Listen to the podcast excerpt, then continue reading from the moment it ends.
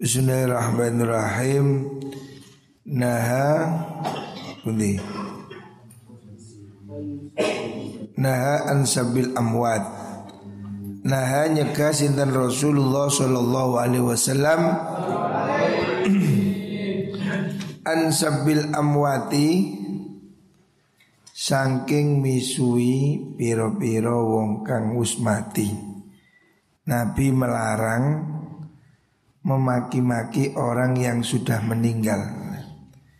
Jadi orang ini kalau sudah meninggal hendaknya sudah dihentikan apa itu membicarakan kejelekan-kejelekannya.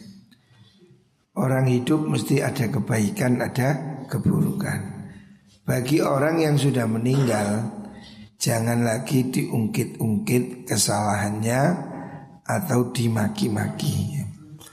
Ini hadis rawahul Hakim an Zaid bin Arqam.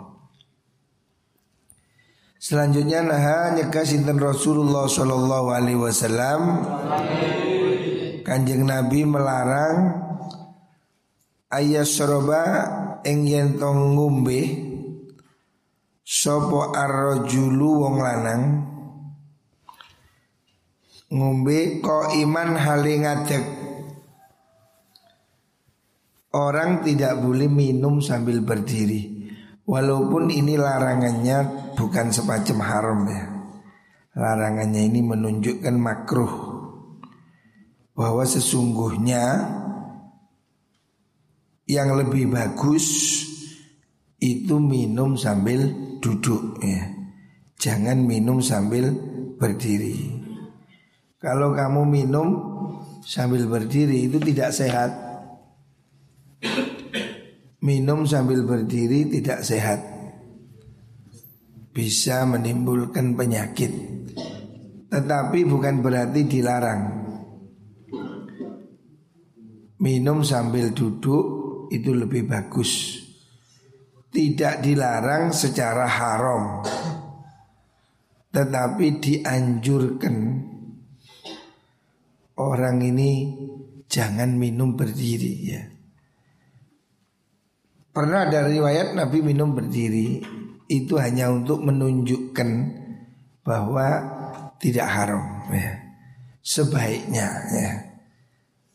Ada larangan sebaiknya jangan minum sambil berdiri ya. Itu hadis diriwayatkan oleh Imam Turmudi. Nah ayyasrabar rajul qaiman. Rasulullah melarang orang minum sambil berdiri. Selanjutnya naha ayyuqama rajul min aqadihi. Naha nyegah sinten Rasulullah sallallahu alaihi wasallam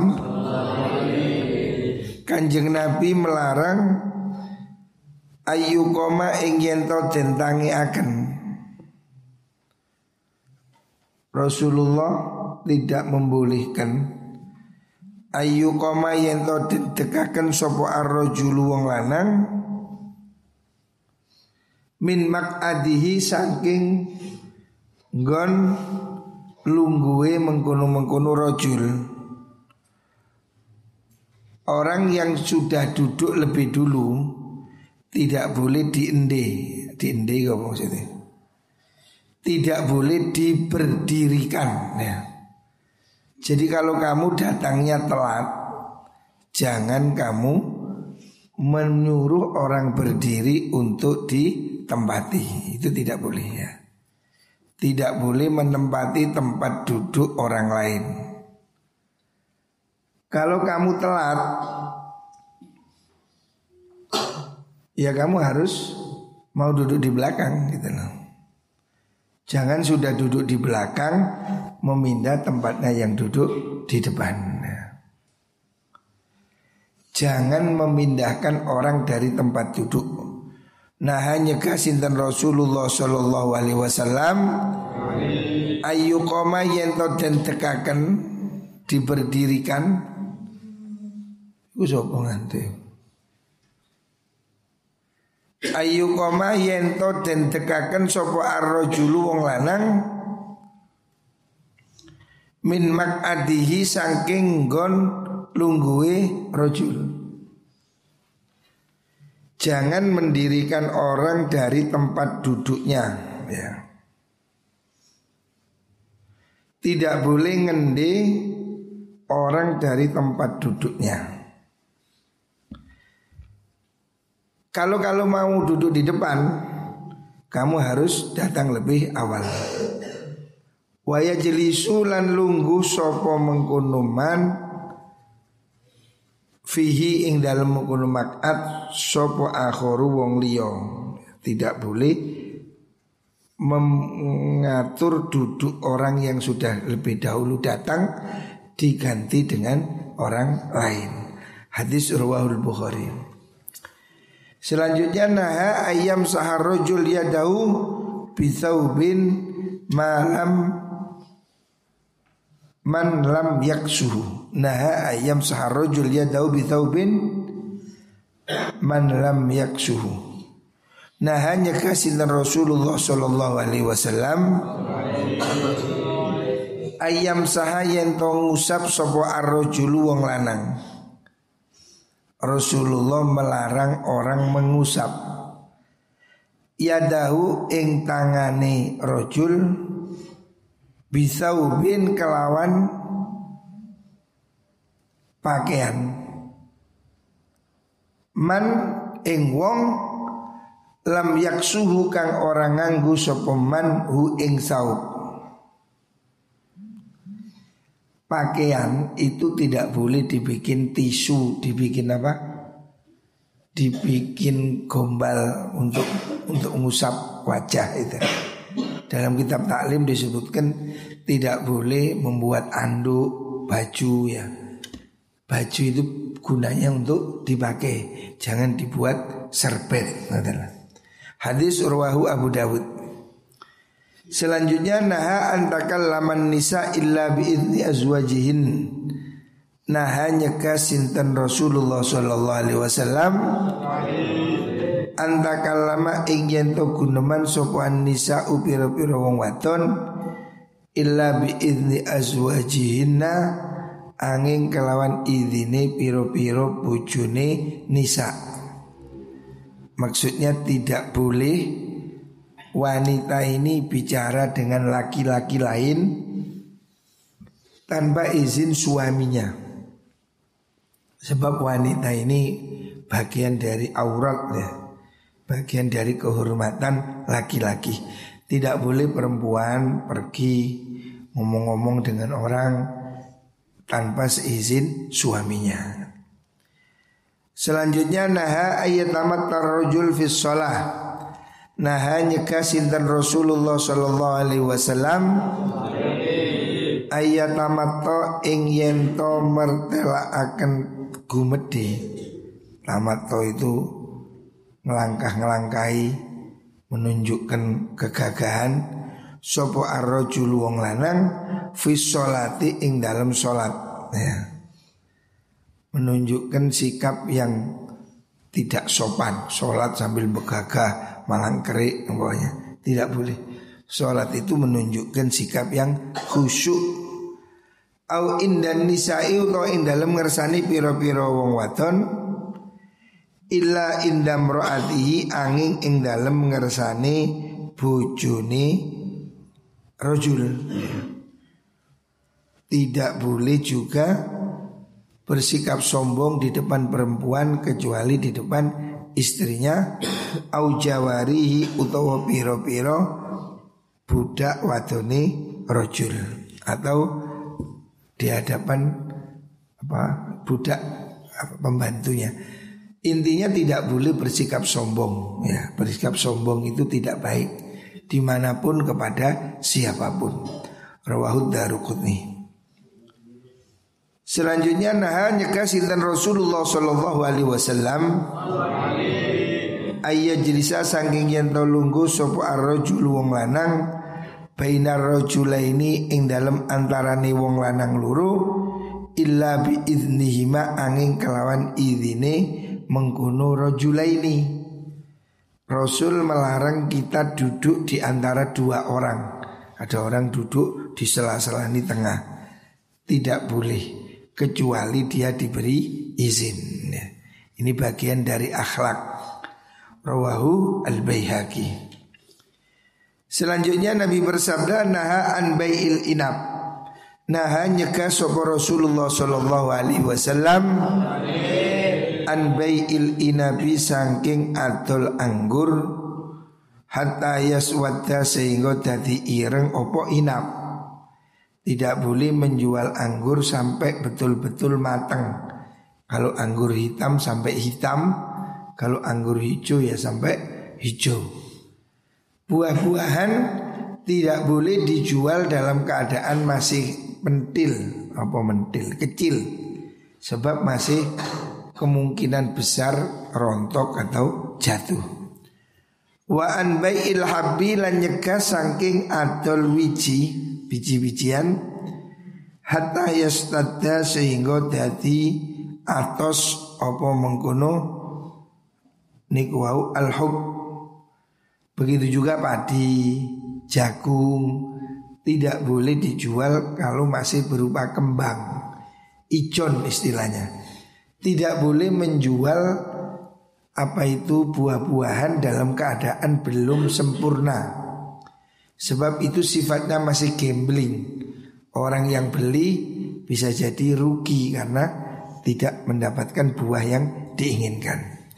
Ini hadis rawahul jamaah. Selanjutnya harful ha. Hajaru minat dunya wa ma fiha. Hajaru ninggalo siro minat dunya sangking dunyo wa malan perkara fiha kang tetep ing dalem dunyo. Maksudnya tinggalkanlah dunia bukan berarti orang-orang ini harus miskin ya. Yang ditinggalkan itu sesuatu yang maksiat. Dunia yang membuat kamu lupa ya. Jangan terlalu mikir dunia, tapi dunia juga perlu. Orang Islam juga perlu zakat, perlu sodako, perlu naik haji. Makanya orang Islam itu juga perlu punya harta. Yang tidak boleh itu berlebihan ya. Dunia yang membuat dia menjadi maksiat Dalam syarahnya itu yang dimaksud adalah Ya meninggalkan maksiat agar segera taubat Hajaru minat dunia wa ma Tinggalkan dunia dan apa yang ada di dalamnya. Tinggalkan yang tidak perlu Ruahu Abu Nuaim. Selanjutnya Nabi bersabda hadiyatun ilal mu'min as-sailu ala babihi. Ruahul Khatib. Hadiyatullah kurang Allah ini. Hadiyatullah iku hadiyai Allah ilal mu'mini waring wong mukmin as-sailu utawi wong kang jaluk orang ngemis ala babihi ing atasi lawangi mengkuno-mengkuno mukmin. Kalau ada pengemis di depan pintu, jangan diusir ya. Sebab orang ngemis itu hadiah dari Gusti Allah. Allah mengirim orang datang ke rumahmu sebagai pengemis supaya kamu mengeluarkan sodakoh. Dengan sodakoh itu kamu akan dapat pahala kamu akan dilindungi oleh Gusti Allah. Makanya jangan marah-marah kalau ada pengemis, berilah sekedarnya ya. Sekarang ini orang anti pengemis di mana-mana ditulisi perumahan pengemis dilarang masuk. Terus pengemis kalau lem lebu ngemis nang di. Pengemis yang betul-betul butuh harus diberi. Ada dua jenis pengemis. Ada pengemis yang memang menjadikan ngemis sebagai profesi. Nah yang itu tidak perlu diberi. Ada orang memang profesinya ngemis. Di Madura ini ada satu desa, semua orangnya pergi ngemis. Padahal di rumahnya ya punya sapi, punya rumah, Tapi ngemis itu sebagai usaha. Mereka tidak mau kerja keras. Nah, yang begini jangan diberi. Orang ngemis-ngemis yang memang menjadikan dia ngemis sebagai profesi. Pernah saya baca di Surabaya itu ada raja pengemis. Jadi dia ini mengambil orang dari desa-desa dikumpulkan di Surabaya, setiap hari dikirim ke perumahan-perumahan untuk ngemis. Sore dikumpulkan totalan bagi hasil. Lah yang ngemis begini ini tidak boleh. Rasulullah Shallallahu Alaihi Wasallam melarang orang minta-minta. Minta-minta itu pekerjaan yang jelek. Bagi orang yang mampu tidak boleh dia meminta-minta. Tapi kalau betul-betul tidak mampu, memang tidak punya apa-apa, ya jangan bunuh diri ya. Ini kemarin ada berita menyedihkan di mana itu Nias. ada seorang ibu membunuh tiga anaknya, anak dewi dibunuh. Sebab dia merasa kesulitan ekonomi, terus dia sendiri bunuh diri. Oh itu naudzubillah ya. Hidup miskin sekalipun jangan sampai bunuh diri. Dan itu kewajiban tetangganya, kewajiban pemerintah. Membiarkan orang kelaparan itu dosa ya. Allah mengecam keras dalam Al-Quran orang-orang yang tidak peduli pada orang miskin. Makanya orang miskin yang datang kepadamu, pengemis yang datang ke pintumu, itu sesungguhnya orang yang dikirim oleh Gusti Allah. Allah mengirim dia ke rumahmu. Jangan dibentak-bentak, jangan dihina. Karena apa? Kamu ini kan punya kewajiban infak. Sebagai orang yang mendapat rezeki dari Allah, kamu wajib zakat. Minimal kalaupun tidak zakat, kamu dianjurkan sodakoh. Sodakoh itu kembali pada dirimu sendiri. Petugas zakat itu petugasnya Gusti Allah. Kalau ada orang narik zakat, jangan dihina-hina ya. Dia itu dikirim oleh Gusti Allah mengambil kewajibanmu ya. Justru kita harus bersyukur ada pengemis berarti kita masih bisa berbagi. Kita dapat pahala. Tetapi juga jangan berlebihan ya. Sebab hari ini banyak modus modus orang itu ngemis tapi ngaku mualaf. Ini sudah di mana-mana. Sering sekali datang ke rumah saya, saya mualaf bawa surat. Tahun biru tak delok, tahun sangang bulu limo. Mosok mau wong mualaf telung bulu limo tahun. Mualaf itu kan orang yang baru masuk Islam. Orang yang imannya belum kuat dikuatkan. Itu namanya mualaf.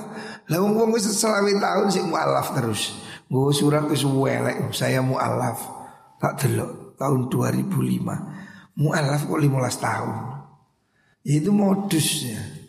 Tapi ya nggak usah ditolak ya kasih aja 2000, 5000 makanya. Ada orang yang memang begitu. Modusnya lagi minta sumbangan. Modusnya lagi ya macam-macam lah. Saya ini dah, biasanya malah kiai-kiai yang jadi apa jujukan. Mereka ini mesti kalau datang ke kiai gak kira ditolak. Ya tapi lama-lama kita ini tahu lah, wah ini modus ini. Datang saya baru kecopetan, datanglah saya anu. Ah seribu satu alasan. Saja ini jaluk om nilai penak sih, minta uang selesai kan. Tapi yang banyak itu modus, katanya kecopetan, katanya apalagi. Dan kadang tidak masuk akal bahwa anak perempuan kecil Ngaku dari Kalimantan Tidak mungkin lah dari Kalimantan datang bawa anak kecil Nah naik apa ke sini? Ya itu modus di sekitar kita ini aja. Keliling-keliling. Nah tapi kita juga tidak perlu Apa itu marah-marah. Ya penting dikasih lah sedikit. Kadang orang datang saya anu-anu. Iya iya iya iya. Secukup amplop lima ribu Sebab apa? Ya kita tidak tahu benar atau tidak. Walaupun sering kali saya merasa itu mesti nipu. Potongan ini gak cocok. Omongan ini gak sinkron Tapi ya sudahlah kita kasih ya. Orang ngemis Intinya itu kan orang ngemis sebetulnya Cuma modusnya macam-macam ya Ya modusnya inilah, modusnya itulah, modusnya bangun pondok. Ada orang datang begitu. Bangun pondok. Lah awak ini bangun pondok mengkek-mengkek. Gak karu-karuan. Si ono sing rene jaluk ke bangun masjid, jaluk ke bangun pondok. Is iya. Sa ikhlasi. Saya mengira itu orang modus. Tapi ya ya sudahlah ya. Jangan menolak orang yang minta minta. Rawahul Khatib. Selanjutnya hal min ahadin yamsi alal ma illa talat qadama Nabi bersabda hal min ahadin orang ana utai wong suwiji yamsi kang lumaku sop ahad alal ma'i ing atase banyu illa talat angin dadi teles opo qadamahu delamaan lurune ahad Orang jalan di atas air pasti kakinya basah. Orang jalan di waktu hujan ya mestilah kakinya kena air. Kadalika kaya mengkuno-mengkuno sahibud dunya utai wong kang duweni dunya. Laya selamu ora selamat sapa man minadzunubi saking piro-piro dosa. Orang yang ada di dunia ini sulit untuk menghindari dari dosa Sama dengan orang jalan di musim hujan Sulit untuk menghindari air Maksudnya nopo? Maksudnya orang ini semua ini harus ngaku Rumongso Kalau dirinya banyak dosa Kalau kamu rumongso punya dosa Berarti kamu harus mohon ampun.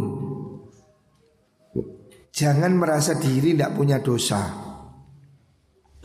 Jangan merasa dirimu terlalu baik. Kemudian kamu merasa tidak ada salah. Itu kesalahan yang paling besar ya. Kesalahan paling besar itu ketika kamu merasa tidak punya salah. Sehingga sombong Merasa diri paling benar Kamu harus introspeksi Punya kesalahan Gak jamaah gak ngaji, bolos, itu dosa ya. Kamu melakukan kesalahan. Ku ngantuk ayo ngaji ciwir nih. Hidup ini semakin banyak dosa, semakin berat. Makanya untuk mengurangi berat beban hidup, kurangilah dosa. Orang ini kalau hidupnya banyak dosa, ibadah juga semakin berat. Apalagi kalau makanannya haram hidupnya semakin berat, menjadi baik ini berat, bebannya berat. Untuk meringankan itu kita perlu mohon ampun pada Gusti Allah. Kalau kita naik gunung bawa ransel 30 kilo berat, kurangi bebanmu. Hidup kita ini berat dengan dosa-dosa, kurangi beban. Mengurangi dengan cara bertaubat pada Gusti Allah.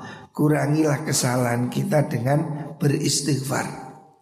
Rasulullah Shallallahu Alaihi Wasallam setiap hari itu baca istighfar tidak kurang dari 100 Padahal kanjeng Nabi tidak punya salah. Lah kita hidup penuh salah, penuh dosa. Jangan merasa tidak punya salah. Kita ini sehari-hari ini sulit menghindari dosa. Tetapi tidak perlu kecil hati kita punya Allah yang maha mengampuni ya. Makanya usahakan bagaimana sehari-hari kita ini beristighfar Sehari-hari kita ini banyak berbuat baik Termasuk sodakoh Itu akan berfungsi menghapus dosa Selanjutnya Rasul bersabda Hal tunsoruna wa turzaquna illa bidhu'afaikum Hal tunsoruna onoto maksudnya ora halnya bermakna ingkar. Hal tunsoruna ora ten tulungi sira kabeh wa turzakuna lan ora ten paringi rezeki sira kabeh illa bi du'afaikum angin kelawan piro-piro wong doif wong apes sira kabeh. Jangan menghina orang-orang lemah. Sebab kita ini dapat rezeki Salah satunya dari doa orang-orang yang lemah. Orang-orang miskin, orang-orang yang kita bantu, orang-orang kesusahan yang kita tolong, itu doanya didengar oleh Gusti Allah. Jangan meremehkan orang-orang lemah. Sebab mereka-mereka itu justru doanya lebih dikabulkan oleh Allah. Hidupnya susah, apalagi dia ahli ibadah. Jangan direndahkan. Jangan diremehkan orang-orang miskin. Bantu mereka Sebab kamu kata Rasulullah Wasallam, kamu akan mendapat rezeki dan mendapat pertolongan dengan doa mereka orang-orang yang lemah, orang-orang miskin, orang-orang yang tidak mampu. Itulah orang-orang yang akan berdoa pada Allah dan ditolong oleh Allah. Jadi salah satu hal yang kita dapati hari ini itu mungkin doa orang yang pernah kita tolong ya. Jadi kalau kita nulung orang jangan dihitung-hitung. Apa itu kita nulung saudara, apa itu nulung teman, apa itu membantu usaha orang lain. Lakukan semua usaha menulung orang lain dengan sukarela. Sebab kamu otomatis juga akan ditolong Allah sebab mereka-mereka itu. Apalagi kalau mereka itu berdoa pada Allah. Pasti mereka ini akan dikabulkan doanya. Ya. Jangan sampai kita merendahkan orang-orang miskin Sebab orang-orang miskin itu dikasihi oleh Nabi Disukai oleh Gusti Allah Kalau mereka sabar. Ruahu Sa'ad bin Abi Waqqas. Selanjutnya Nabi bersabda halakat ah, halakat ar-rijalu hina ata'at an-nisa'ah. Halakat rusak sopo ar-rijalu piro-piro wong lanang hina ataat nalikane manut sapa rijal an-nisaa ing pira-pira wong wadon. Orang laki-laki ini akan hancur kalau dia nuruti perempuan. Apakah tidak boleh nurut perempuan? Bukan tidak boleh. Secara umum ya, ini garis besar. Allah memberi garis ar-rijalu qawwamuna 'alan nisa. Laki-laki ini harus jadi pemimpin. Kalau dia dalam rumah tangga tidak bisa ngatur anak istrinya, ya rusak. Apalagi kalau laki-lakinya tidak bisa beri nafkah, ya hancur. Rumah tangganya pasti tidak tenang. Karena kalau perempuannya ini yang lebih berkuasa, laki-laki ini akan kurang mendapat penghargaan. Tapi kalau laki-laki yang kuasa, laki-laki yang beri nafkah, yang punya ekonomi, secara otomatis dia akan menghargai istrinya. Karena dia memang butuh pendamping Tapi kalau sampai istrinya yang lebih cukup, lebih kaya Suaminya nganggur Biasanya dinyek. Istri ini diciptakan dari tulang rusuk Bukan tulang punggung. Nah, Bujunya dinyek. Bujunya yang tidak beri nafkah itu pasti tidak dihargai oleh istrinya. Sedikit sekali lah, sedikit sekali. Makanya jadi laki-laki ini kudu tanggung jawab Laki-laki harus bisa mengendalikan rumah tangga. Pemimpin ini satu, sopir situ. Tidak mungkin ada satu mobil dengan dua sopir. Situ nyetir nganan, situ ngiri yo. Ya ruwet motornya. Rumah tangga ini diciptakan dengan kepala. Siapa? Suami. Suami harus punya otoritas. Jangan, boleh, harus begini, harus otoritas. Lah kalau suami tidak bisa menafkahi istri, suami tidak bisa tanggung jawab pada istri, pasti dia tidak bisa mengendalikan. Makanya kalau kamu bisa mengendalikan uangmu, kamu bisa menguasai kehidupanmu. Tapi kalau kamu tidak bisa menguasai itu, rumah tanggamu diatur istrimu, mesti ruwet. Ya. Banyak kasus rumah tangga menjadi apa? Cekcok. Salah satunya karena suami tidak bisa menafkahi istri. Makanya saya ingin santri-santri ini ya tidak semua harus jadi kiai. Jadi kiai pun harus tetap bekerja. Jangan menggantungkan hidup pada orang lain. Supaya hidupmu itu kamu bisa kuoso rek. Saya sebagai suami nafkahi anak istri, saya bisa ngatur. Oh jangan, istri saya begini, saya bilang jangan. Karena apa? Saya mencukupi dia. Lah kalau kamu tidak bisa nyukupi istrimu, ngomong teh nanti ojo ojo gak kok pangani, gak kok apa belanjani, kamu tidak bisa ngatur. Rumah tangga ini akan menjadi tidak tenang, rusak. Maka Rasulullah Shallallahu Alaihi Wasallam mengatakan halakatir rijal hina atau an nisa. Laki-laki ini akan hancur kalau dia nuruti perempuan. Artinya dia tidak bisa mengendalikan rumah tangganya. Dalam riwayat yang lain dalam kitab Ihya disebutkan Ta'isa Abdul Zaujah. Ada yang mengatakan Ta'isa Abdul Mar'ah. Celakalah laki-laki yang menjadi hamba perempuan. Sebab Allah menciptakan laki-laki dengan kelebihannya untuk jadi pemimpin. Lalu si lanang lolak lolok sing wedok kuwasa ya eh. Suwi-suwi kon dikongkon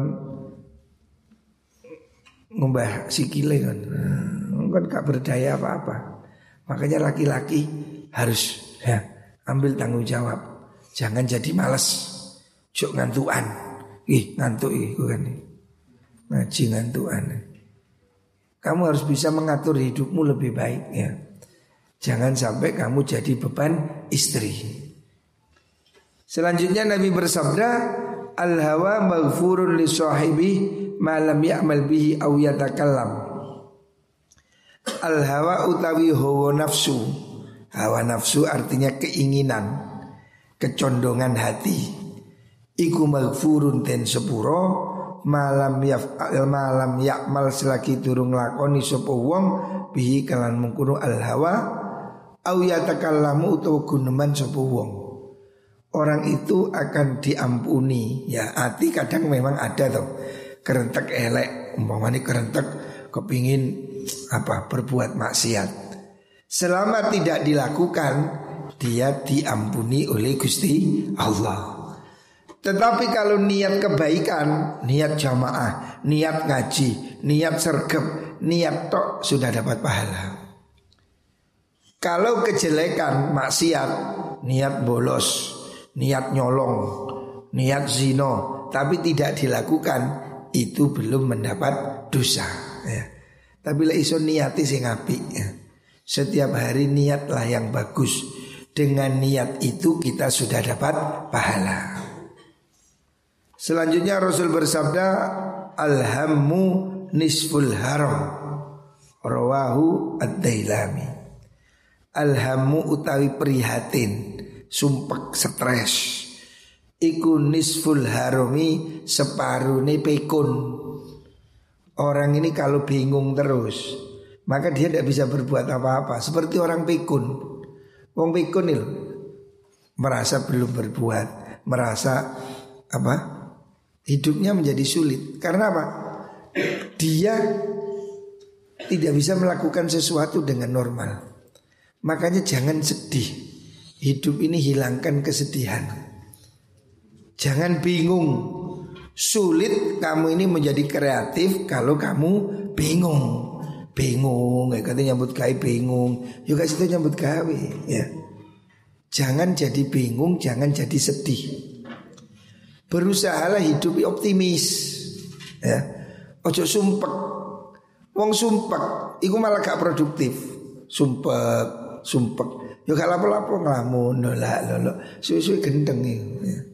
Maka kata Rasulullah Sallallahu Alaihi Wasallam, alhamu nisful haram. Kesumpekan, kesedihan itu separuh dari kepikunan. Artinya ketakutan itu seperti kursi goyang, ngerti kursi goyang. Obat tapi kadang dinding ini tak olah golak gitu. Oglak aklik kadang dinding. Bergerak tapi tidak mencapai tujuan. Jadi jangan panik, hidup ini jangan panik, jangan takut. Jangan takut, la takhaf innallaha ma'ana. Jangan takut, la tahzan innallaha ma'ana. Jangan sedih ya. Hidup optimis, berusaha. Muka-muka kita ini dilimpahi rahmat Allah Subhanahu wa taala. Jangan takut ya. Kalau kita takut malah sakit. Hari ini covid ya Hati-hati ya Tapi jangan takut Lek takut suwe-suwe tambah stres mati teman. Nah. Jadi hilangkan ketakutan, tapi hidup tetap harus waspada. Muka-muka kabeh diparingi selamat, sehat. Amin Allahumma amin.